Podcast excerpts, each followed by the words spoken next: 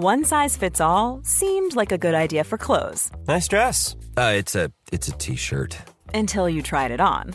Same goes for your healthcare. That's why United Healthcare offers a variety of flexible, budget friendly coverage for medical, vision, dental, and more. So, whether you're between jobs, coming off a parent's plan, or even missed open enrollment, you can find the plan that fits you best. Find out more about United Healthcare coverage at uh1.com. That's uh1.com. Hey, it's Ryan Reynolds, and I'm here with Keith, co star of my upcoming film, If, only in theaters, May 17th. Do you want to tell people the big news? All right, I'll do it. Sign up now and you'll get unlimited for $15 a month in six months of Paramount Plus Essential Plan on us. Mintmobile.com slash switch. Upfront payment of $45 equivalent to $15 per month. Unlimited over 40 gigabytes per month. Face lower speeds. Videos at 480p. Active Mint customers by 531.24 get six months of Paramount Plus Essential Plan. Auto renews after six months. Offer ends May 31st, 2024. Separate Paramount Plus registration required. Terms and conditions apply if rated PG. Burrow's furniture is built for the way you live. From ensuring easy assembly and disassembly to honoring highly requested new colors for their award-winning seating, they always have their customers in mind. Their modular seating is made out of durable materials to last and grow with you. And with Burrow, you always get fast, free shipping. Get up to 60% off during Burrow's Memorial Day sale at burrow.com slash ACAST. That's burrow.com slash ACAST. burrow.com slash ACAST. Var du fan av Jonny og Johanna da du var liten? 730 betyr jo crazy. Hva er 730 i deg? Dette er 730.no, og jeg heter Mathilde Ullum. Velkommen til 730.no. Hvis du som meg leste blogger i 2009, trenger ikke vår neste gjest en introduksjon. Hun tok hele Norge med storm med sitt glansfulle hår, hangup på isbiter og forkjærlighet for Voice of Europe. Nå er hun gründer, forfatter og ernæringsfysiolog. Vår neste gjest er ingen ringere enn Emilie Næring. Oh, veldig fin intro, tusen takk. Bare hyggelig. Eh, Vi må bare mimre litt tilbake til denne bloggeperioden. Yes, og isbitene. Ja. Ja. For de som ikke var inkludert i det, så var det nettopp det at eh, jeg syns isbiter er dødsgodt. Alltid elsket å knaske på det, og fikk jo da også isbitmaskin som lagde helt sånn perfekte, porøse isbiter. Og jeg viste hvordan man kunne lage Farris-isbiter, fordi de blir ekstra sånn crunchy med luft inni og sånn. Eh, så det bare ble en greie.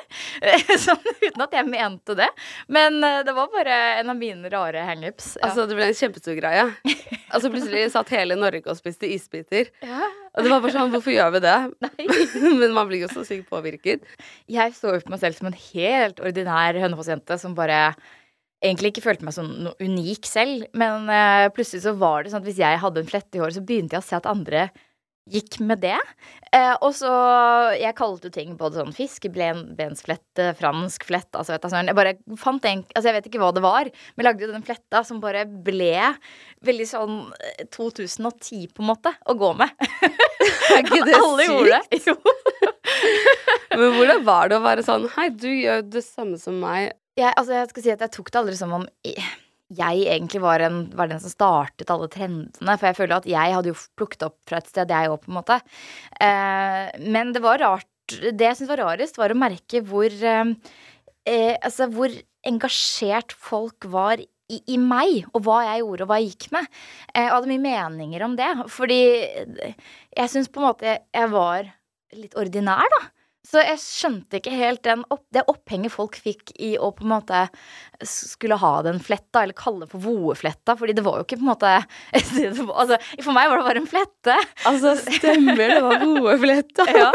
Så jeg husker at jeg på en måte bare ikke helt skjønte greia. Jeg var jo litt som alle andre, på en måte, sånn i mitt hode. Ja.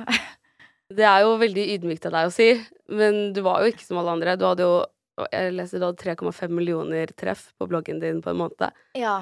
Det er var jo helt sinnssykt. Det er veldig sinnssykt. Eh, Ja, altså, men det var det jeg kjente på sånn i, I snitt så var hver leser innom bloggen min sånn tre ganger daglig. Altså i snitt. Det betyr at folk som sitter der mer enn tre ganger og liksom lurer på har jeg oppdatert noe, har jeg oppdatert noe. Eh, altså sånn sitter vi jo ikke i dag på en måte med Instagram eller TikTok og liksom sjekker har, Hallo, har de oppdatert eller i dag? Så det, det var en helt annen sånn eh, En helt unik kultur der for å liksom gå hjem og lese blogger. Eh, og, men det var veldig var for meg bare helt fantastisk gøy og kult å kunne liksom bare drive med noe jeg syns var artig, og andre likte det eh, og ville lese det og var interessert i det. Eh, jeg måtte på en måte ikke eh, I hvert fall i de første månedene så gikk det så lekende lett. Måtte jeg egentlig ikke liksom Følte ikke jeg måtte jobbe sånn ekstremt hardt for å, for å oppnå noe. For jeg hadde bare sånn boblende kreativitet som jeg fikk utløp for da, på den bloggen. Det er det jeg følte skilte deg fra de andre blogg, bloggerne. Fordi Ikke til forklarelse for de, altså, men du hadde Du var så sykt god til å klippe filmer. Og jeg har sett på de nå, de er jo fortsatt kule. altså, du, du var god til å klippe filmer, veldig kreativ og fant på masse. Så var du, hadde du veldig stor variasjon i innleggene du la ut. Og da jeg gikk gjennom disse videobloggene dine, så bare kom jeg på så mye som jeg husker jeg så på bloggen din. For jeg fulgte den jo, og da fikk man jo liksom så mye tips til hår, sminke, det var alltid noe matlaging. Man fikk liksom bli kjent med familien din, se klærne dine, og så pusset du opp rommet ditt. Og jeg husker jeg var sånn Å, jeg lurer på hvordan det ble. Ja. man, ble liksom, man ble jo ganske obsessed med det. Ja. Du skilte deg ut på at du hadde en ekstremt god kvalitet på innholdet ditt. Det virket som du tok det veldig seriøst òg, og at du tok følgerne dine seriøst, og det likte man jo. ja, Og så var du veldig relatable, men samtidig ikke. Eller så det var noe veldig fascinerende ved det òg. Å, det er veldig hyggelig å høre. For jeg har jo altså Det, det som var eh, litt sånn spesielt for meg det året jeg begynte å blogge, føler jeg Det var jo selvfølgelig var jeg jo heldig med timing også, ved at blogg ble jo mer og mer populært i sånn 2009. Det var en bølge liksom At det var stadig flere blogger som ble laget.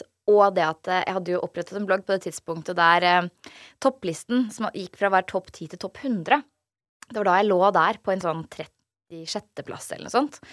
Ehm, og fra det så økte det jo. Men det var også det at det, samme år så hadde jeg også fått et speilreflekskamera av min eh, morfar, som jeg hadde arvet.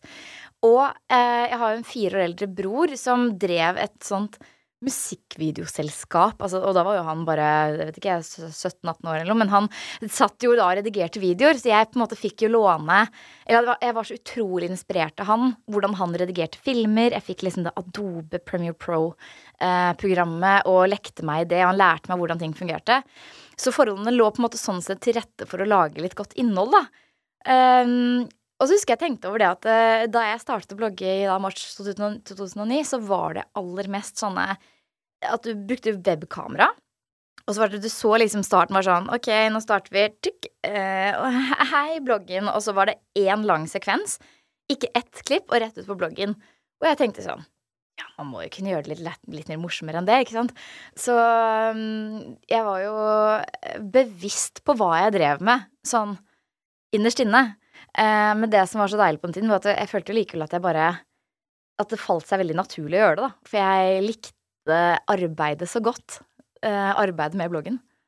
Ja, men jeg føler at du stilte deg selv spørsmål som 13-åring som 18-åringer ikke gjorde. Sånn, hvordan kan jeg gjøre dette mer spennende å se på? Hvordan kan jeg gjøre dette mer Og folk kopierte jo det òg. Men folk hadde kanskje ikke Jeg husker jeg så så mange videoblogger av folk som skrudde av og på kamera for å klippe det. Å nei, å. Å, det er slitsomt. Det, det kan være slitsomt. De jobbet for det. det de.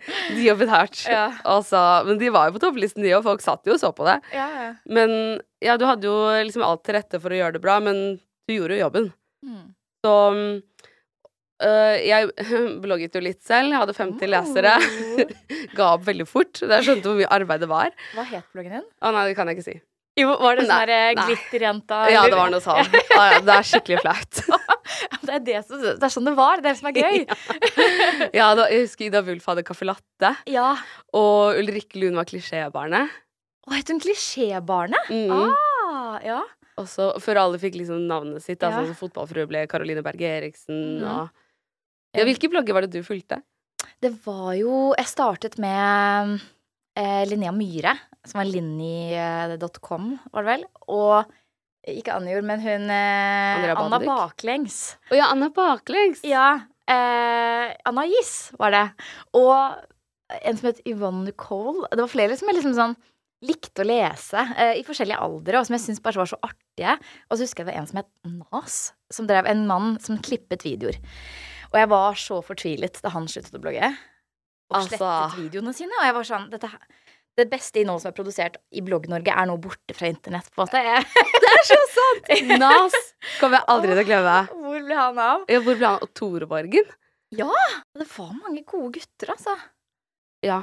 Så jeg var, eh, var liksom, jeg ble inspirert av liksom alt mulig slags innhold. Um, så det var veldig naturlig for meg å bare prøve meg frem. Um, og så tok jeg liksom til meg tilbakemeldinger sånn Eller ikke tilbakemeldinger, men jeg så jo hva som fikk mest kommentarer. Jeg så at hvis jeg hadde spørsmålsrunde, så fikk jeg ganske mange kommentarer og syntes det var gøy, da. Ehm, men jeg likte, liksom, jeg likte den lekenheten, som at det ikke var så mye regler. Det var liksom fritt og åpent format, at alle hadde liksom litt gøy med det. Det var jo da det var, eh, var på sitt aller gøyeste, syns jeg, da. Åh, Ah, ja. Jeg savner Ja. litt den tiden. jeg også. Og da jeg begynte å se gjennom de uh, videobloggene dine, så var jeg bare sånn Herregud, det her var jo These were the times. Ja. Da var det ikke noe covid eller krig eller noe. Det var gullalderen ja. til internett og Norge. Mm. Og har du noen gang kjøpt noe på internett fordi en influenser har anbefalt det eller skrevet om det? Ja, garantert. Eh, ingen bomkjøp skal sies, men bare sånn eh, Nå, liksom, så er det sånn Jeg følger jo de beauty-bloggerne, og hvis de anbefaler en lippenn eller hva den heter, så er jeg sånn Åh. For jeg syns ikke sant, fordi det er veldig troverdighet i det de driver med. Jeg syns de er flinke. Og ja, syns det er kult å Altså, jeg blir jo influenset, da. Kjøper det de gjør. Så jeg, jeg, er, jeg er som alle andre der, jeg òg. det er morsomt. ja. spurte også vennene mine om eh, liksom, hva har dere kjøpt eh, fordi en blogger eller influenser har anbefalt det. Alle var sånn nei, jeg har aldri gjort det. Så bare OK, myk sengetøy, Ja, ja. den og den lipglossen, og så Altså, vi ramset opp og ramset opp. Plutselig var det alt vi eier. Jeg var sånn, ja, vi har egentlig kjøpt det fordi en influenser har anbefalt det. Ja, ja. Og så bare sånn, hvert fall, Om så er underbevisst, så får du jo um, kjennskap til nye merker. Eh, du ser noen bruke det noen gang på gang. Eh, og jeg får jo alltid veldig mye spørsmål om på en måte bare sånn altså bare, Jeg delte bare at jeg nå har satt opp TV i leiligheten. Liten swipe. Eh, og da bare fikk jeg spørsmål sånn Hei, hvor er panelovnen din fra? bare sånn Å ja, vi er der! På detaljer, liksom. Så det er eh, Altså, men det er det Folk trenger jo bare tips til ting som er bra, og så antar de at hvis noen andre eier det, så er det uh, en veloverveid beslutning på at den panelovnen har jeg virkelig funnet ut at det er, det er den beste, liksom. Altså, så slipper de å tenke noe mer. Så det er, vi er veldig enkle vesener. Ja, Men jeg kan se for meg at tingene du har, er veldig overveide beslutninger.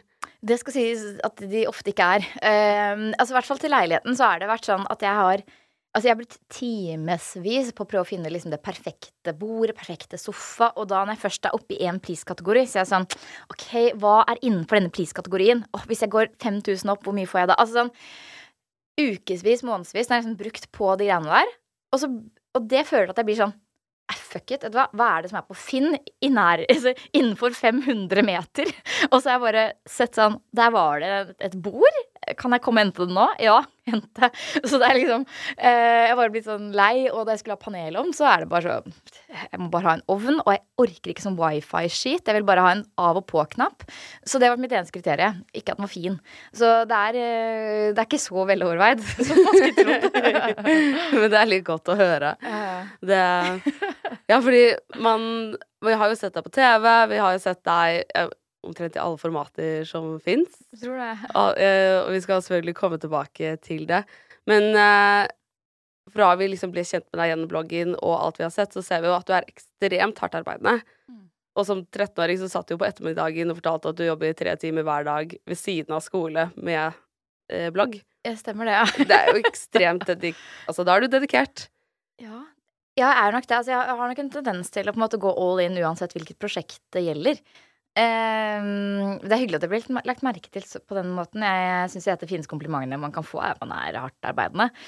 Eh, men ja, det er jo en av de både fordelen og ulempen med å være litt sånn uh, pliktoppfyllende jente, da. At, og jeg skulle gjøre det bra på skolen også, så det var liksom uh, jeg jobbet vel så mye med skole som jeg gjorde med bloggen. Og det var ikke snakk om å nedprioritere en, det ene eller det andre.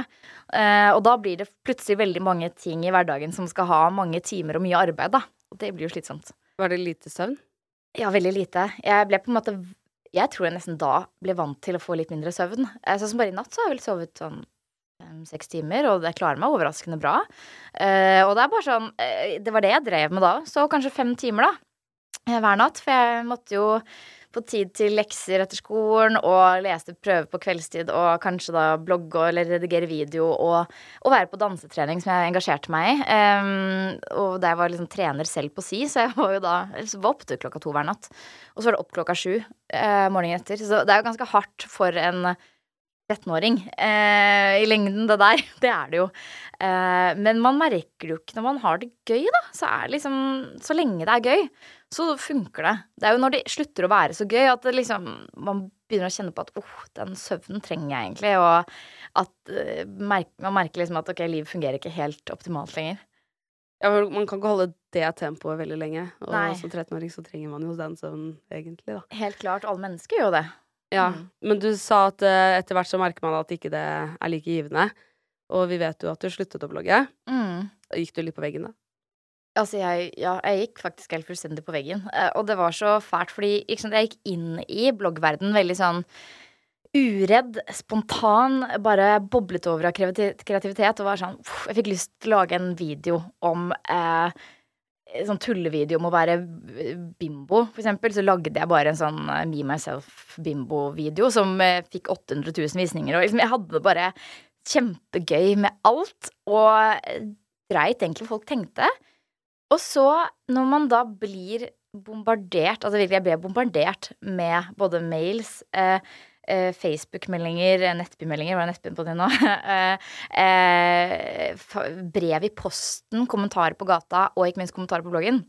Hvor etter hvert en høyere og høyere andel av de meldingene var veldig stygge. Så, så gjør jo det vondt. Fordi jeg klarte ikke å skille meg selv fra eh, tenke at det her er bare business, eller det her, nei, det her handler ikke om meg, fordi det gjorde jo det. Jeg hadde en personlig blogg, jeg delte bilder av meg selv, delte bare om mitt liv, og når det blir kritisert gang på gang på gang, så tror jeg det Jeg tror det er nesten umulig at du som menneske klarer å se forbi det. Eh, og jeg har alltid blitt imponert over de som sier sånn, ja, du må bare drite i kritikken. Men jeg tror at som et helt normalt uh, fungerende menneske, så hvis man leser gang på gang bare sånn Du fortjener jo absolutt ikke den førsteplassen. Jeg skjønner ikke hva som går liksom Bla, bla, bla. Nå har jeg snakket med venninnene dine, og de snakker så mye stygt om deg bak ryggen din. Ikke sant? Bare svada. Men ser du det nok ganger, så begynner du å tro på det, da. Um, I en periode hvor man også prøver å finne litt seg selv. Uh, mye hormoner. Prøver å finne sin plass i liksom i niende klasse på ungdomsskolen i en liten by eh, som heter Hønefoss. Så den totalbelastningen er Den ble etter hvert veldig, veldig stor. Um, så det var rett og slett slik at jeg merket jo at jeg etter hvert kviet meg for å liksom åpne PC-en og begynne å skrive. Fordi jeg på, for hver setning jeg skrev, så begynte jeg å analysere. Hm, har jeg skrevet, er det et feilskrevet ord her? Er det noe folk kan kritisere meg for? Jeg begynte så på bildene av meg, og så var jeg sånn Å, kanskje jeg så litt tjukk ut på det bildet. Åh, da får jeg kommentarer på det, og det orker jeg bare ikke. Fjerner det. Ikke sant? Så man, jeg gikk fra å være veldig uredd og glad og sant, fri, til å føle meg veldig fanget i et slags fengsel jeg selv hadde bygd. Og det var det som var så, var så merkelig at jeg følte ikke jeg kunne snu det heller. Så etter å ha holdt på i ett og et halvt år, uh, var det vel, så um, var det egentlig sånn at jeg, altså jeg, gråt hver dag, og jeg snakket jo masse med mamma og pappa om det her, og de orket jo på en måte ikke dette her, de, de heller. Så når verken de rundt meg fikk glede av at jeg gjorde det, eller jeg, så var det på en måte ikke noe annet enn å gjøre enn å bare legge ned hele greia. Uh, og det var det jeg kom frem til etter julen ja, 2011. Så var det sånn at jeg, ja, jeg var så sliten uh, og helt utmattet. Og selv etter juleferien så følte jeg at jeg fortsatt ikke hadde ferie. At det var på en måte bare et konstant kaos i hodet, da. Og da var det på en måte ikke noe annet å gjøre, bare legge ut et blogginnlegg med at nå vil jeg ikke blogge mer. Uh, og det, det, som var fint med det, er at det skapte faktisk en av de første debattene uh, i media om netthets. Fordi det hadde ikke blitt diskutert noe særlig på den tiden. Vi hadde liksom ikke lært helt hvordan vi skulle oppføre oss på nett. Eh, sosiale medier var jo noe veldig nytt, eh, og eh, det var jo ikke noe automatisk moderering av kommentarfelt på den tiden heller. Det var liksom fritt frem overalt. Så plutselig så ble det satt på agendaen, og det syns jeg er eh, bare en veldig veldig fin konsekvens da, av at jeg sluttet å blogge. Vi har fortsatt ikke lært oss hvordan vi skal snakke på internett. Det, det har ikke fortsatt vei å gå. absolutt. Og veldig bra at det ble satt på agendaen. Mm. Og det er helt sinnssykt å se tilbake til det nå, at du som 13-14-åring fikk de kommentarene. Ja, Som, altså på alle kanalene dine òg. Det er jo helt spinnvilt at, at man liksom ikke tenker Og det var sikkert voksne folk som skrev det òg. Mm. At man ikke tenker sånn Hei, hva er det jeg driver med? Hvorfor sender jeg denne meldingen til en 13 og 14 år gammel jente? Og det var det som var så rart sånn eh, jeg tror vi, og, og som mottaker av de stygge kommentarene, så visste jo ikke jeg heller hvordan jeg skulle reagere. Det var på en måte ing, Det var ikke så mange før meg som kunne fortelle meg hvordan dette skulle håndteres eller eh, gjøres, eller eh, Foreldrene mine følte et ansvar for at alle som sendte inn mail, skulle få svar. Så de fikk etter hvert ansvaret for å lese inn all mail og på en måte eh, videresende de til meg, de som jeg måtte svare på. Og så tok de seg av eh, Pappa tok seg av sånn annonsehenvendelser, for hva skal jeg svare på det når jeg er 14 år? Men det som skjedde da, de fikk jo da lese så mye dritt.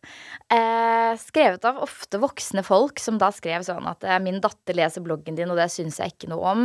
Eh, 'Jeg er advokat og kan melde at mye av det du driver med, og videoen du lager, er ulovlige, for du har brukt musikk som eh, De bare begynte å ramse opp ting da, som foreldrene mine plutselig begynte å bekymre seg for. Og de hadde jo egne jobber med sine egne bekymringer, men plutselig så ble jo dette her en sånn en case som på en måte sånn, eh, hele familien måtte involvere seg i, fordi det var sånn Det var så altoppslukende, og det var så nytt for alle. Mens man i dag på en måte har et litt annet apparat, man har managements. Em, og det er det som jeg, gjør, som jeg tror gjør at det, både er enklere å på en måte ja, stå i ting og holde ut, da. Men på den tiden så var det jo ikke det. Så ja, selv om eh, mange av kommentarene var liksom bare Kanskje man i dag hadde avfeid dette her som bare tull. Så på den tiden så følte man at eh, ja, men herregud, hvis noen først sender mail til deg og sier de er advokat, så må du jo ta det på alvor. Liksom, men det er liksom Det kan være hvem som helst. Nettopp. Ikke sant? Så, men det tenkte man ikke helt på da. Og øh, ja, så jeg, jeg har ofte tenkt tilbake på dette her og kjent på en sånn Ai, fader, jeg burde bare stått i det. Altså, hvor hadde jeg vært i dag om jeg på en måte hadde bare driti i det? Vært litt mer sånn eh, amerikansk, da, hvis man kaller det. Litt mindre ydmyk. Litt mer sånn, vet du hva, jeg skal gjøre hva enn jeg vil. Eh, fordi jeg er faktisk et godt menneske. Jeg er ikke slem mot dem på bloggen her. Jeg er jo bare meg. Eh, fuck dere, jeg skal bare få suksess. Ikke sant? Den mentaliteten har vi ikke helt i Norge. Eh, og jeg hadde jo selvfølgelig ikke den som 14-åring. Eh, og det hadde vært litt gøy å se hvor kunne jeg egentlig vært i dag. Og kunne jeg på en måte vært da et, eh, et enda bedre forbilde for mange unge jenter ved å vise at det er helt greit å også ikke være flink pike. Ikke sant? Du trenger ikke være en fantastisk utgave av deg selv hele tiden. Du kan prøve og feile, og det er helt ok. I stedet så følte jeg litt at jeg ble et sånt forbilde som gjorde alt rett, da. Fordi jeg ble på en måte formet sånn av omverdenen. Um, men samtidig så vet jeg også at det var ikke noe alternativ på den tiden for meg å, holde på videre. Men er ikke det en flink pike-tankegang? At du kunne ønske at du klarte det og sto i det? Jo, det er jo egentlig det. Kanskje det egentlig var mest eh, Altså det at jeg faktisk la ned bloggen, var det som var fuck it. ja. Og det er riktig å gjøre sånn sett. Men uh, Kjenner du på det? At du kunne ønske at du klarte det? Å stå i det? ja, mest fordi jeg er litt nysgjerrig på hva som hadde vært veien videre. Eh, for jeg endte jo opp med å fortsette å blogge uansett, sånn noen måneder senere. Eh, jeg tror jeg absolutt trengte den pausen og hadde kjempegodt av det. Samtidig som eh, jeg selv i etterkant har blitt veldig inspirert av eksempel Sofie Elise, som er en av de som jeg mener har pushet grenser for hva som er akseptabelt å gjøre eh, som offentlig person, eller ikke minst som jente. Eh, fordi vi har et, et helt annet sånn Det stilles mye høyere krav, syns jeg, ut til, jenter. Hvordan vi skal oppføre oss, hvordan vi skal te oss. Eh, og hva som anses for å være en suksessfull gründer, ikke sant. Da ser man for seg egentlig gjerne en mann og en som er i dress, og en som er veldig streit og ordentlig. Men hun har vist at du kan være en suksessfull gründer og se ut på liksom Se ut som du vil, da. Eh, men eh, Og jeg har blitt inspirert av hennes måte å på en måte bane vei på. Eh, og da har jeg tenkt sånn jeg, På en måte banet jeg jo litt vei for de som kom etterpå, ved at jeg liksom bare blogget og ble litt stor, og jeg gjorde jo veldig mye forskjellig eh, på den tiden med å gi ut musikk og bare gjorde egentlig hva jeg ville. Sånn sett så banet jeg litt vei for de som kom etter meg, samtidig som eh, jeg føler sånn Når det gjelder å spre eh, sprenge grenser, så har hun virkelig vært et forbilde for meg, da. Eh, og jeg skulle jo litt sett i etterkant ønske at jeg kunne være det forbildet. Um, men At du kunne ønske at du hadde plassen Sofie Elise har nå? ikke nødvendigvis akkurat samme plass, for alle finner sin vei. Men eh, ja, jeg var jo veldig streng mot meg selv da jeg var allerede jeg var 13 år, 13-14 år på hva jeg syntes var akseptabelt å gjøre. Ikke sant? Eh, som jente. Og jeg husker at jeg eh, fikk jo massiv hets, eh, og da var jeg bare 13 år, men jeg hadde var på, på ferie i Spania, og så hadde jeg laget en liten sånn morsom gif hvor jeg svømte under vann. Så bilde, bilde, bilde, bilde, så ble det nesten en sånn video at jeg svømte under vann. Man så aldri meg i bikini, men man kunne skimte at jeg hadde bikini under vann. Bare det var sånn herregud, fronter nakenhet, og at, eh, ikke sant, at eh, Tenk på alle pedofile menn som oppsøker deg på nett og kan lagre dette, denne gifen og eh, Ikke sant. Selv da fikk jeg den hetsen, så jeg bare kan tenke meg hva hun har fått, siden hun begynte bare å blogge ett år senere eller noe sånt. Um, og når hun da har klart å stå i det, så har det klart å ja, pushe grenser for hva som er greit, og jeg syns det er, eh, er bra, da. Fordi helt ærlig, man må få lov til å eh, Så lenge man ikke skader andre, mener jeg jo helt oppriktig, så man får lov til å gjøre hva man vil. Um, og Det jeg, er jeg helt enig i. ja, ja. Men til enhver pris. Altså, hun har jo Hvis du ser for deg at, har, at du har fått så mye øh, bare på den giffen Tenk så mye hun har fått, og tenk så mye hun får hver eneste dag. Og hun lever jo av å provosere, Mm. og står i det som en fuckings helt og sprenger de grensene og flytter de grensene for alle. Men Mm. er det verdt det, tror du? Eller sånn, tror du at det kan koste deg selv så mye? Altså, Det er det jeg tror at sånn Der er kanskje folk forskjellige, men for min del så må jo payoffen være større enn eh, alt det vonde du får. Og jeg tror ikke jeg hadde klart å kjenne på noe god følelse sånn på lang sikt av det, da. Eh, når det er sagt. Men jeg For jeg er på en måte sånn jeg er også veldig glad i liksom det enkle liv, da. Da jeg sluttet å blogge, så var det på en måte så deilig for meg å ikke ha noen sosiale medier og bare være helt vanlig skoleelev. Eh, og jeg setter utrolig pris på på en måte eh, mi, mitt nivå av kjendishet, som gjør at jeg kan være på byen uten å liksom bli noe omringet, eller uh, Det er alltid noen kanskje vil ta bilde eller liksom sier et eller annet, men sant, jeg føler meg fortsatt normal, da. Jeg kan gjøre de samme tingene som alle andre. Mens jeg føler kanskje Jeg tror kanskje Sofie Elise føler at hun ikke kan det. Og det syns jeg jo på en måte Det er der jeg tror at jeg ikke hadde klart å stå i det in the long run, da.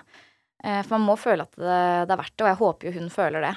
Ja, at hele Norge gransker hver eneste lille bit av henne for å Mm. finne et eller annet som er galt. Sånn var det Nå nylig sa hun at eh, det er fettenerd å bruke kondom, og alle bare klikker.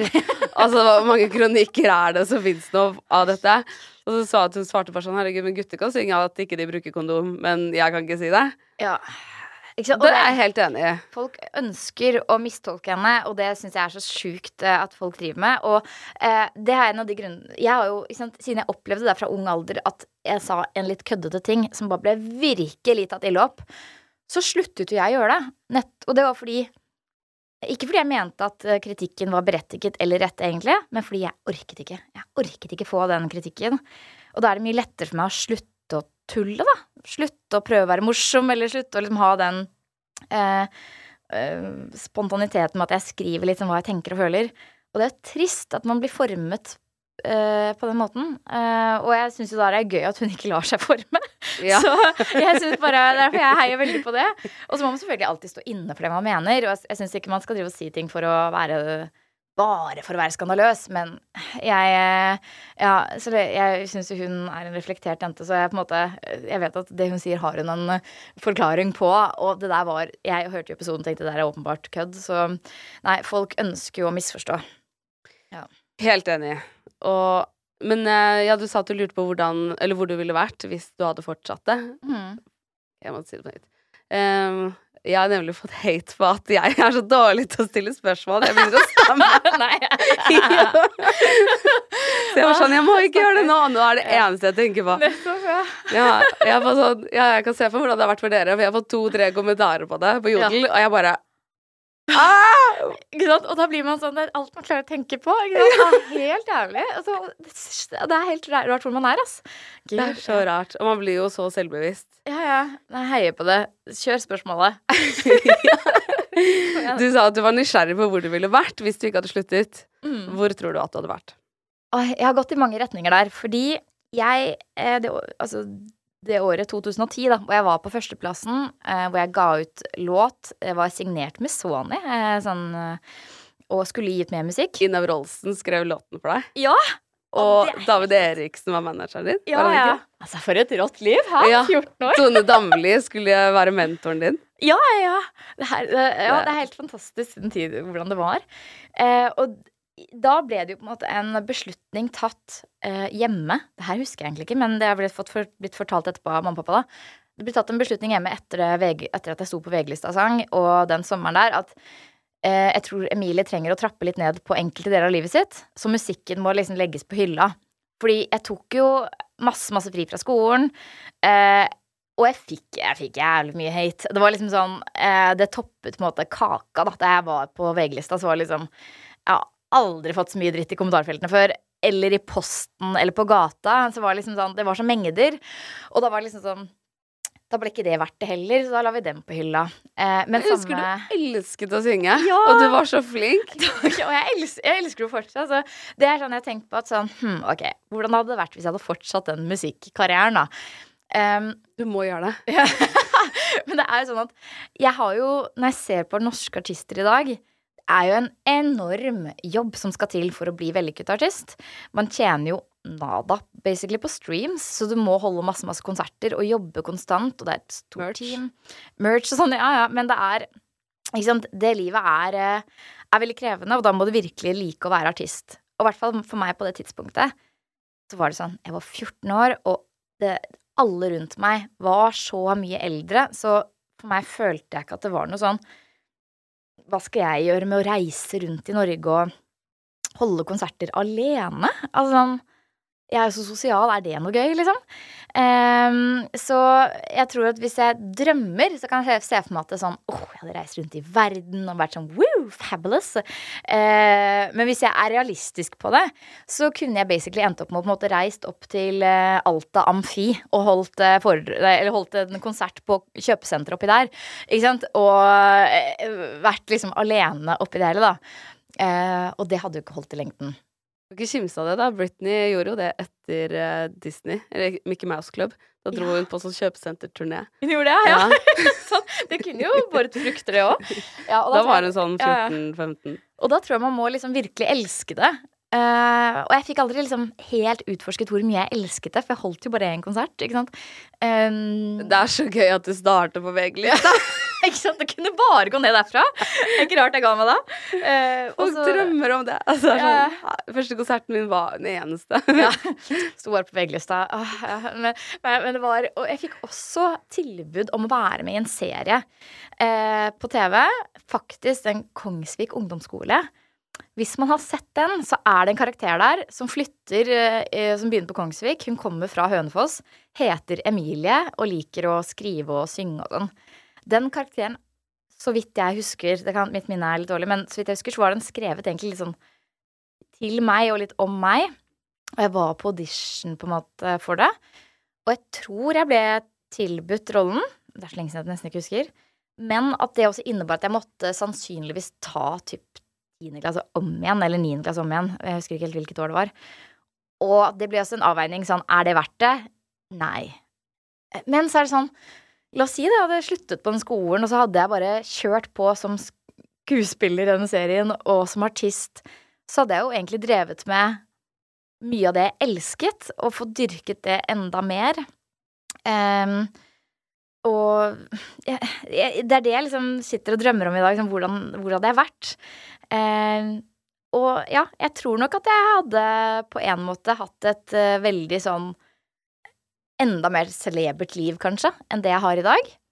Samtidig som jeg jo elsker at jeg fikk tatt en ordentlig utdannelse som jeg virkelig engasjerer meg i, og at jeg eh, kan skape en jobb som varer i lengden, og at jeg kan dra på byen og være normal, og at jeg har fått fullført både eh, ungdomsskole og videregående, fått hvert russ og eh, fikk alle de vennskapene jeg fikk da.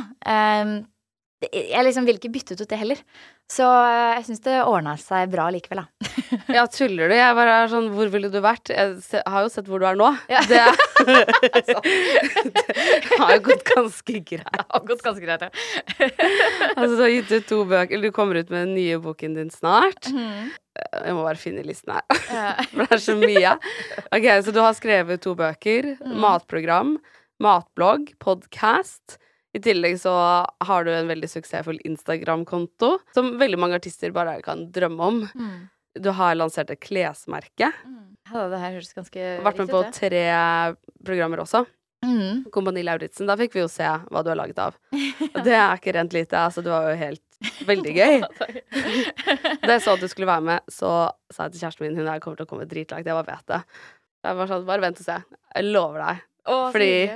Ja, man skal aldri undervurdere folk som har startet tidlig og jobbet hardt og stått i stormer. Som regel så er det de som kommer lengst på disse programmene. Mm. Du er utdannet ernæringsfysiolog. Ja, så jeg, det kan være sånn at jeg retter på det, for jeg får så mye hate hvis jeg ikke gjør det. Men jeg er ernæringsrådgiver. Fordi eh, klinisk ernæringsfysiolog, er da går man på UiO gjerne og har master og sånn. Og jeg kan ikke behandle Ja. folk på et sykehus. Eh, ergo er ikke jeg ernæringsfysiolog, men ernæringsrådgiver. Ah. Forstår. Men du har også gått på Westerdals. Ja, et år gikk jeg der. Ja. Og du bare skjønte at eh, jeg trenger jo ikke å gå her når jeg kan undervise her. Det er så Altså, jeg har på en måte sagt det, faktisk. Så jeg har sagt det høyt, så det er uh, Det er ikke så ydmykt av meg, men det skal sies at jeg ble spurt om jeg ville forelese i det ene, i det ene faget vi hadde, eller i denne tematikken vi hadde, eh, som skulle gå over mange mange uker. Og da følte jeg litt sånn Jeg betaler jo tross alt sånn 40 000 i semesteret for, for å gå her. Eh, et av fagene vi hadde som ga 30 studiepoeng, var å lage blogg. Og jeg kunne bruke den jeg hadde, så jeg følte bare sånn Her er jo jeg her? Ja. Em, ja, så jeg gikk der et år. Sluttet, for jeg begynte med sånn intern gransking av meg selv. Sånn, hva er det egentlig, hvorfor studerer jeg dette her? Og jeg hadde vel egentlig valgt det, fordi jeg følte liksom det var den retningen jeg hadde begynt på. ikke sant, Med, med blogg, skriving, liksom markedsføring. Eh, og tenkte Jeg tror ganske mange tenker at markedsføring eh, innebærer å sitte i sånn kreativt byrå hvor du lager reklamefilmer og er liksom eh, alltid være kreativ. Så innser du ganske kjapt på et sånt studie at det er veldig mye både statistikk og analyse og eh, typ sånn spreadsheets og Google Analytics og sånne ting som jeg syns er dritkjedelige. Og eh, jeg kjente liksom at det er ikke Jeg har ikke passion for det. Um, og det var da jeg egentlig fikk lyst til å gjøre noe totalt annerledes, og begynte liksom å undersøke selv. ok, hva, er det, hva er det jeg kjøper hvis jeg leser en bok? Hva er det jeg kjøper da? Jo, det er stort sett kokebøker. Eller om helse og livsstil og sånn, og syns det er veldig interessant. Eh, og sånn, ok, hvorfor studerer jeg ikke det, da? Og det var jo egentlig den fordi jeg liksom eh, jeg, Ikke hadde alltid valgt tryggeste utvei, men eh, jeg har alltid hatt lyst til å velge fag som jeg vet at jeg er god på fra før av. Ehm, og her var det en risiko for at jeg gikk inn i et studie hvor jeg kunne feile på eksamen. Hvor det var mer heavy fag enn jeg hadde hatt tidligere, og et studie hvor jeg ikke visste om jeg fikk en jobb etterpå. Det var en risiko å studere det, men det føltes veldig riktig å bare begynne på en bachelor i ernæring og se hvor det gikk. Eh, og jeg er så sinnssykt glad for at jeg begynte med det. Hvordan har ditt forhold til mat vært?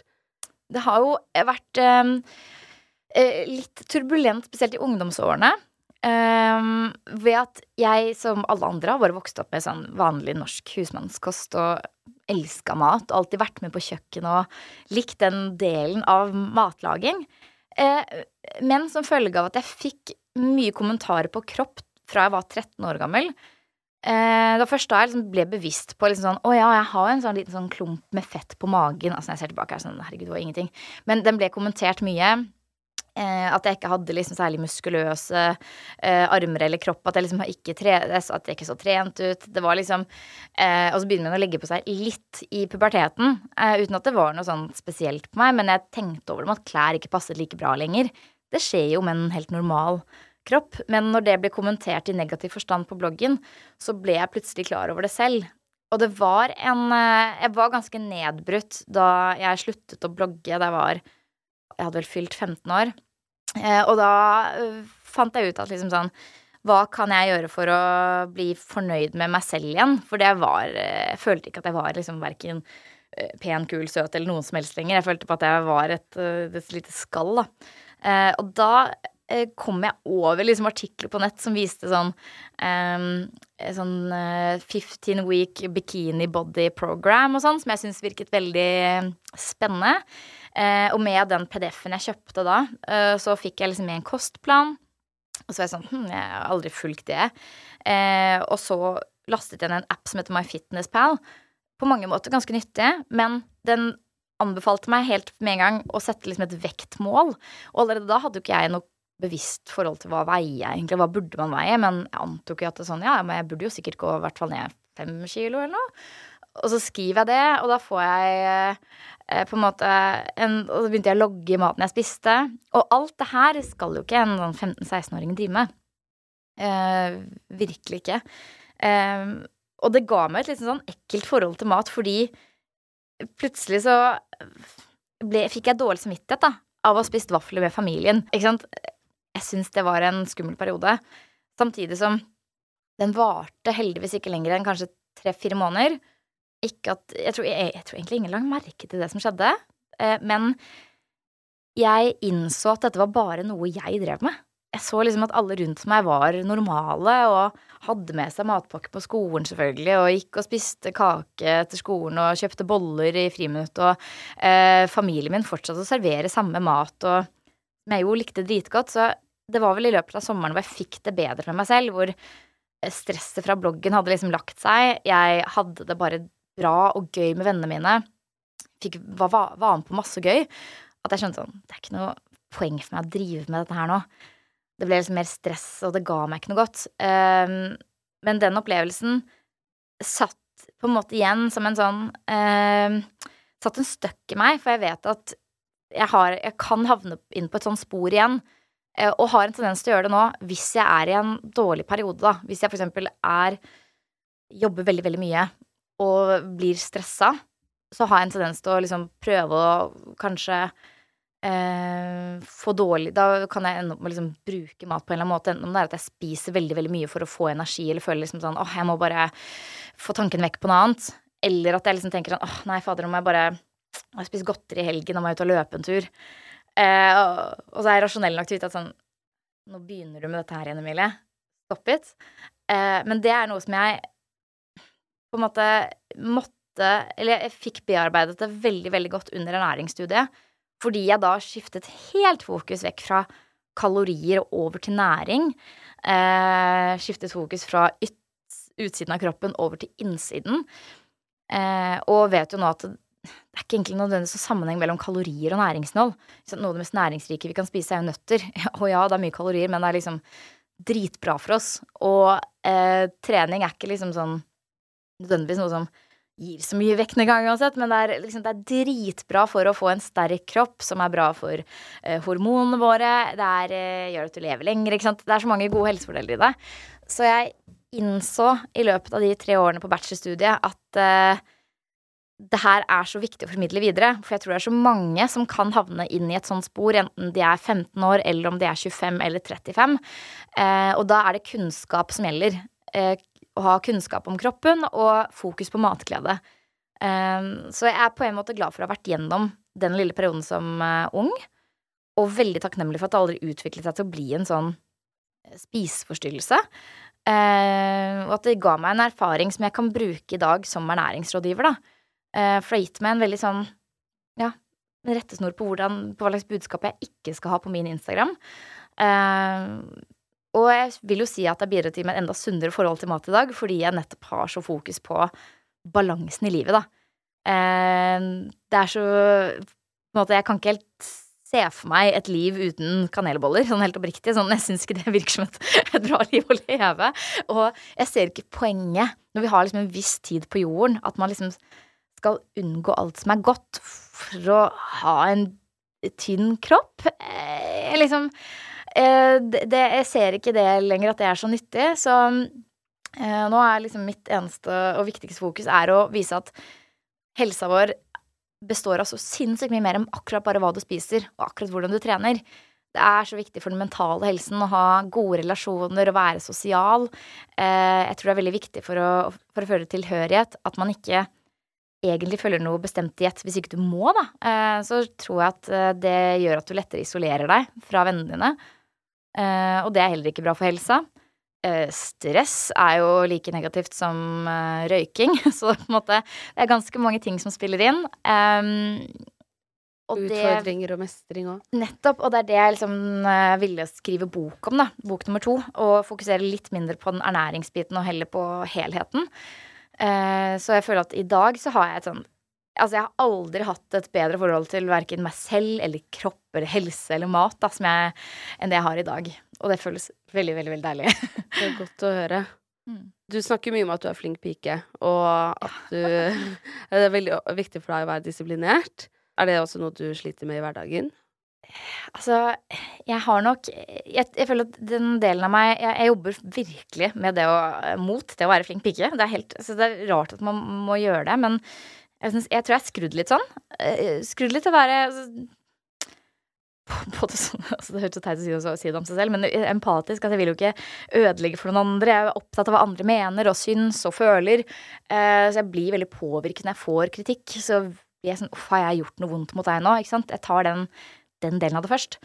Eh, men det skal sies at sånn I hvert fall det siste året, eller det startet egentlig litt på sånn Kompani Lauritzen, at jeg kjente liksom sånn en, en, styrke og en motivasjon og en mestring i det å være litt sånn Å gi litt sånn faen og være litt sånn gutse litt, da. Mm. Og jeg fikk så gode opplevelser der um, inne som ga meg en selvtillit på Egentlig ikke det å være så flink, men det å være litt rå. Eh, og jeg vil si at det siste året så, og, altså, og, under covid så fikk, fikk, jeg virkelig det perspektivet på at liksom Og jeg var fortsatt da flink til å trene og spise sunt, men hata jo livet fordi alt som var gøy, ble borte. Og vennskapene mine feidet, fadet sakte, men sikkert ut fordi liksom av restriksjonene. Og jeg kjente da at livet er så mye mer enn bare være flink på ting og trene og spise riktig. Eh, så etter restriksjonene gikk opp, så har jeg på en måte bare Jeg har aldri vært mer på byen, for eksempel, sånn enn i år. Jeg, ut, altså, jeg er ute nesten hver sjanse jeg får, og bare nyter sånn vibrasjoner fra byen og menneskene og danse og bli full og snakke med folk. Og liksom, jeg, jeg, kjenner liksom, jeg er jo ikke egentlig så flink pike lenger som mange tror, da. Eh, den største forskjellen som jeg merker på det, er jo inni meg selv. At liksom, det er ikke så nøye lenger.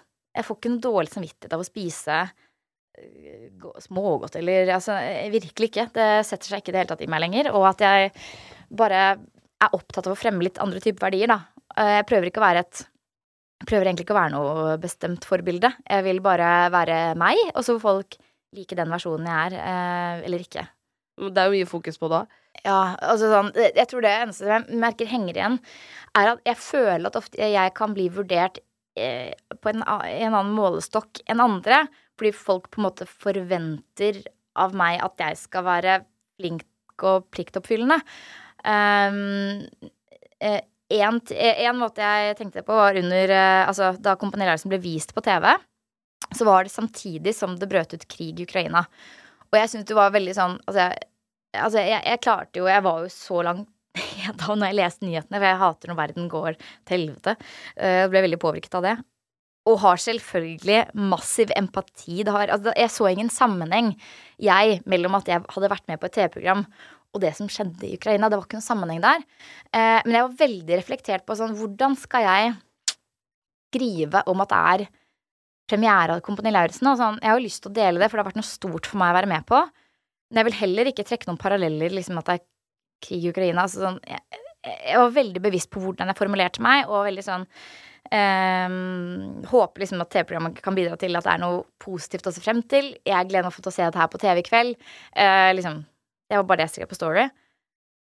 jeg ble bombardert med meldinger om at jeg altså sånn, var et dårlig menneske. At jeg, hvordan kunne jeg promotere krig i disse dager? Og eh, skjønner du, ikke sant? Jeg fikk veldig mye hate. Og så spurte jeg på Kompani Lauritzen-gruppa som jeg hadde, med gjengen som var med, av deltakere, sånn Hei, eh, jeg bare får veldig, veldig mye kritikk nå når jeg deler om Kompani Lauritzen. Får dere andre det? Altså, hvordan takler dere det? Og så sier de sånn Ok, jeg har ikke fått noe som helst. Sånn, «Øh, jeg fikk én kommentar, men ikke noe annet. Og det er da jeg begynte å tenke sånn Ok, er det Altså, hvorfor er det? Er det fordi Er det jeg, jeg, Det eneste måten jeg kan forklare det på, er at eh, siden jeg ofte uttaler meg om sånne moralske verdier og liksom, da, eh, så blir jeg vurdert i en annen målestokk enn andre, som kanskje ikke har tatt den posisjonen i media. Og at da er det lettere å angripe meg hvis de føler på et eller annet, da. Ja. Men jeg, ikke sant? det er der jeg tror det å være en sånn flink pike eh, jobber imot meg, også eh, av de som følger meg. Ikke bare personlig. Så jeg eh, Det å på en måte bryte litt med det inntrykket folk har av meg akkurat der, det syns jeg egentlig er eh, bare bra. Så det er liksom en av de tingene jeg jobber med personlig, er å bare drite litt mer i hva folk tenker. Prøve å ikke nødvendigvis bare gjøre det som er forventet av meg, men tenke ok, hva er det jeg har lyst til å gjøre, og så bare gjøre det. Ja.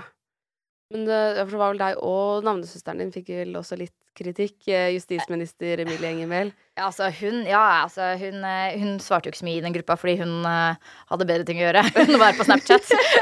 så, men ja, hun fikk også mye kritikk, stakkars. Hey, it's Ryan Reynolds, and I'm here with Keith, co star of my upcoming film, If, only in theaters, May 17th. Do you want to tell people the big news? All right, I'll do it. Sign up now and you'll get unlimited for $15 a month and six months of Paramount Plus Essential Plan on us. Mintmobile.com slash switch. Upfront payment of $45 equivalent to $15 per month. Unlimited over 40 gigabytes per month. Face lower speeds. Videos at 480p. Active Mint customers by 531.24 get six months of Paramount Plus Essential Plan. Auto renews after six months. Offer ends May 31st, 2024. Separate Paramount Plus registration required. Terms and conditions apply if rated PG. Wow. Nice. Yeah.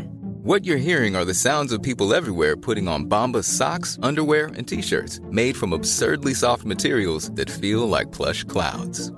Yeah, that plush. And the best part? For every item you purchase, Bombas donates another to someone facing homelessness. Bombas. Big comfort for everyone. Go to bombas.com slash ACAST and use code ACAST for 20% off your first purchase. That's bombas.com slash ACAST. Code ACAST. Here's a cool fact a crocodile can't stick out its tongue. Another cool fact you can get short term health insurance for a month or just under a year in some states. United Healthcare short term insurance plans are designed for people who are between jobs, coming off their parents' plan, or turning a side hustle into a full time gig. Underwritten by Golden Rule Insurance Company, they offer flexible, budget friendly coverage with access to a nationwide network of doctors and hospitals. Get more cool facts about United Healthcare short term plans at uh1.com. Men eh, nå tenkte jeg vi skal snakke om noe litt hyggeligere. Yes. Var du fan av Jonny og Johanna da du var liten? Det har jeg aldri sett Jonny Jonny og Johanna. Har du Eh, ikke? Det her er jo Jeg vet jo hvorfor du spør. Fordi jeg har blitt sammen med Jonny. Gratulerer så mye med kjæreste. Takk. Um, jeg skal bare, altså, funny story der, det er jo at uh, vi hadde vært på to eller tre dates, tror jeg, og snakket mye sammen. Um, uten at han egentlig hadde nevnt liksom John og Johanna. Eh, men han hadde nevnt, for jeg tror jeg på første eller andre date snakket liksom litt om måte, min bakgrunn, hvordan det var som ung, og liksom møte mye kritikk da jeg ble et kjent fjes og sånn. Og så i den sammenheng så sa han en kommentar som var sånn herre Ja, altså, jeg var jo litt kjent, ja, men jeg fikk ikke så mye hate for det. Og da lo jeg jo. Jeg tror, jeg tror han, kødda. Jeg var sånn Det er gøy. Og så var det ikke før liksom senere at han liksom sa sånn herre ja, jeg blir av og til, av og til ringt liksom om TV-jobber og sånn, fordi jeg liksom er en del av NRK-systemet, da. Og jeg så En del av NRK-systemet? Hva, hva mener du? Og så bare sånn Ja, jeg var med i en sånn serie. Så han måtte liksom fortelle det selv ganske langt uti der. Og så var han sånn Hæ, kødder du? Sa du ja til date med meg uten å liksom ha gjort noen som helst research eller kobling, eller? Jeg bare Ja, åpenbart. Så nei, det var bare en morsom fun fact som jeg fant ut etter hvert, da. At han hadde vært i den ungdomsserien. Øh, Slidet han inn i DM-en din? Han sendte meg en liten DM, ja. Ehm, Og det var veldig heldig timing, sånn sett for det var samme helg som jeg liksom hadde lasta ned Tinder, var liksom klar for å get out there, da. Etter Eh, bruddet. etter bruddet med samboeren. Eh, og det var ikke så lang tid etter bruddet. Men selvfølgelig når man har vært sammen over veldig mange år, så er det jo eh, Og det var en, en enighet i bruddet òg. Det var ikke en sånn bestemt hendelse eller noe sånn sjukt som hadde skjedd. Det var bare en sånn Vet du hva, jeg tror ikke vi er helt riktige for hverandre. Da er det jo litt enklere å gå videre. I hvert fall i mitt tilfelle var det det. Fordi jeg bare Jeg måtte ha fokus fremover, da. Og så jeg tenkte sånn, vet du hva, selv om jeg ikke vet ikke hvor, hvor klar jeg er nå til å date, men let's jump into it. Så da sak, takket jeg ja til date med han. Plutselig sto en random fyr uten der, utenfor hos meg der på motorsykkel. Og det var altså den kuleste, morsomste daten jeg har vært på. Eh, vi hadde bare sånn enorm kjemi. Etter den daten så var jeg sånn Nei, men faen. Skal jeg nå? sånn skal jeg Å, Så blir vi forelska igjen. Fuck. Men så lot jeg det bare skje. Og så er jeg veldig, veldig veldig lykkelig om dagen. Så sykt koselig. Hvor lenge har dere vært sammen nå? Altså, sammen, sammen, sånn defin da, fra, Det var jeg som spurte om vi skulle bli kjærester. Fordi jeg har skjønt at den ballen lå på meg. Fordi jeg har hele tiden vært I starten var jeg veldig sånn Ikke push. Liksom, jeg, trenger, jeg kan ikke ha noe push. Jeg ikke, vet ikke om jeg er klar for det. Nettopp vært ute i et forhold. Jeg offentlig person. Bare la meg styre det. Så han har vært sånn Ja, ja, du styrer det, du. Og så var jeg sånn Men jeg vil at han skal være kjæresten min. Og da spurte jeg, og det er vel nå bare tre uker siden. Ja. Men vi har jo data i tre måneder. Ja. Så det er iallfall Det er noe, da. Åh. Hvordan skal dere feire en måned sammen? Eh, nei, vi kommer til å feire i hvert fall eh, tre måneder. Det er om noen dager, da. Da skal vi feire med en slags julefeiring. Eh, for det er da vi på en måte Det er da reisen begynte. Så den datoen jeg spurte om vi skulle bli kjæreste, er ikke liksom den som definerer noe, føler jeg. For det var liksom oss ganske tidlig, ass. Eh, så det er eh, vi, får, vi, vi markerer det med en sånn julefeiring, rett og slett. Veldig koselig. Eh, Du har andre fans òg, og de har stilt noen spørsmål. Ladies and gentlemen. Instagram spørsmålsrunde. Instagram spørsmålsrunde. Voe, du har jo tatt eh, det permanent inn i navnet ditt. Det har jeg. Og jeg har liksom ikke offentliggjort det selv ennå. Jeg bare nevnt det her og der i intervjuer. Eh, Mest fordi jeg egentlig ikke fortalt det til bestemor eh, eller pappa, som er liksom de som ga meg liksom det Marie-navnet. Mellomnavnet. Men jeg het, het jo egentlig Emilie Marie Nering. Eh, jeg har ikke blitt kalt Emilie Marie siden jeg gikk på barneskolen engang, ikke sant. Eh, så var det egentlig en periode etter jeg sluttet å blogge for godt, at jeg var litt sånn cringet litt av voenavnet, og at jeg hadde litt sånn ah, Var dessverre da litt flau over min bloggkarriere. Det var en periode jeg var det. Er det flaut å tjene penger? ja, dritflaut. Teit, flink pikegreie å gjøre. Å skulle være sånn flau og blyg og skamme seg. Så etter hvert så var jeg sånn, vet du hva, fuck den skammen der. Jeg skal eie det. Og jeg er dritstolt over alt jeg fikk til som ung. Um, og det føltes litt riktig å bare være sånn kan jeg bare hete Voe? Hvor gøy hadde ikke det vært? Eh, Voice of Europe eh, finnes jo ikke lenger, så var det sånn jeg fikk navnet. Um, så jeg tenker bare sånn Jeg søker om å endre navn, og det er ganske enkelt. Eh, så jeg bare sendte inn en liten søknad, og da er det bare sånn Du må bare skrive som begrunnelse. Skrev sånn. Så skrev jeg bare sånn Jeg har blitt kalt det siden jeg var tolv år gammel. Eh, det her er mer mitt mellomnavn enn mitt nåværende mellomnavn. Eh, så føles riktig å kalle meg det. Og så fikk jeg bare sånn mail en uke senere eller bare sånn Navnet er endret. Nå står det i passet mitt, og på kortene mine står det Emilie Boe Nering, og det er liksom mitt navn nå. Det, er- det er veldig, veldig kult. Gratulerer. Takk. Hvor mye tjente du i 2022? Åh, men altså, det avhenger av hvor mye jeg tar ut i lønn, og jeg bygger jo hytte. Så jeg har tatt ut ganske mye lønn det året jeg for å betjene den hytta. Så jeg har måttet ta ut ja, det, Jeg har så lite oversikt, jeg, men 1,7 mill. eller to, ja. Jeg har i hvert fall over en million i egenandel på den hytta, så det måtte jeg ut med i år. Godt år. Oh, godt år. Yes. hvor mye tjente selskapet ditt? Hva tjente jeg? Altså, faktisk, det, det kommer jo skattelettelse neste, neste år, gjør det ikke det? Altså, faktisk, jeg har ikke helt oversikt, fordi jeg har fått meg management i år. Eh, fakturerer dem her og der. Har fått meg regnskapsbyrå.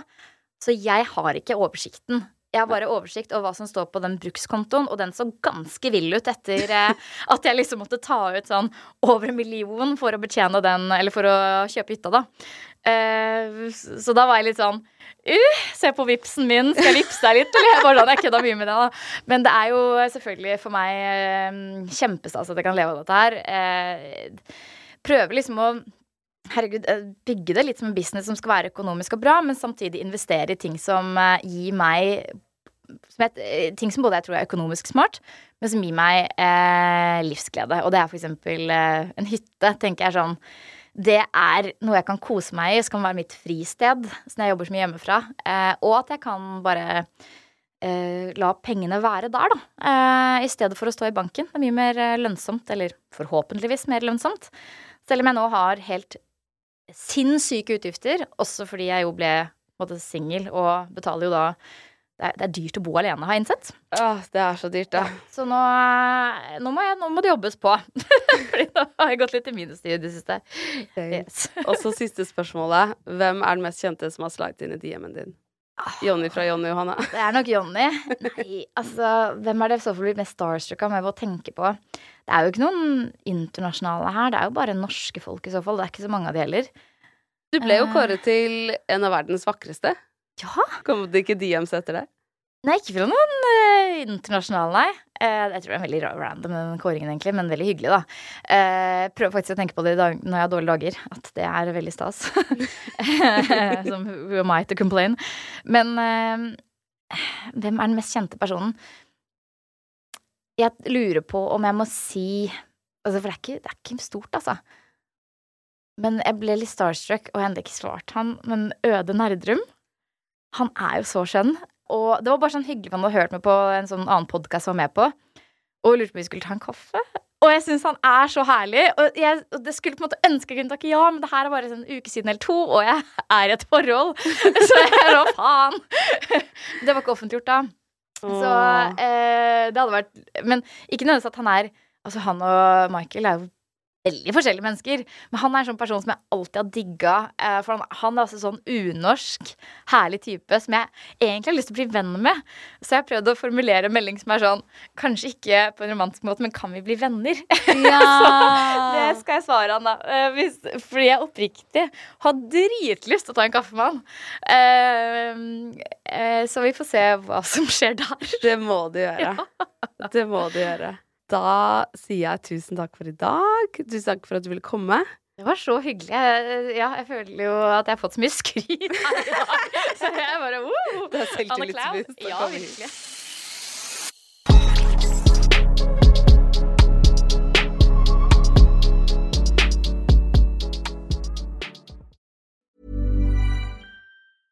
Hey, it's Paige DeSorbo from Giggly Squad. High quality fashion without the price tag. Say hello to Quince. I'm snagging high-end essentials like cozy cashmere sweaters, sleek leather jackets, fine jewelry, and so much more. With Quince being 50 to 80% less than similar brands. And they partner with factories that prioritize safe, ethical, and responsible manufacturing. I love that. Luxury quality within reach. Go to quince.com slash style to get free shipping and 365 day returns on your next order. Quince.com slash style. Imagine the softest sheets you've ever felt. Now imagine them getting even softer over time. That's what you'll feel with Bowl and Branch's organic cotton sheets. In a recent customer survey, 96% replied that Bowl and Branch sheets get softer with every wash. Start getting your best night's sleep in these sheets that get softer and softer for years to come. Try their sheets with a 30-night guarantee. Plus, get 15% off your first order at bowlandbranch.com. Code BUTTERY. Exclusions apply. See site for details. Tusen takk for at du hører på 730-podden. Hvis du har lyst til å være veldig kul, så er det bare å legge igjen fem stjerner. Og da blir jeg veldig glad, fordi det er jeg som lager alt til denne podden. Og jeg trenger masse gode stjerneanbefalinger for å kunne be sjefen min om litt høyere lønn. Så det hadde vært veldig fint. Jeg slipper nye episoder hver eneste tirsdag. Og hvis du ikke har hørt alle ennå, så er det bare å spole tilbake i biblioteket. Og trykker du på følg, så kommer alle de nye episodene rett inn i spilleren sekundet de blir sluppet. Send meg gjerne en DM hvis det er noen du har veldig lyst til å ha som gjest. Og husk at vi alltid poster spørsmålsrunder på Instagram Story, så da kan du få med spørsmålet ditt i neste episode hvis du vil det. Ha det bra.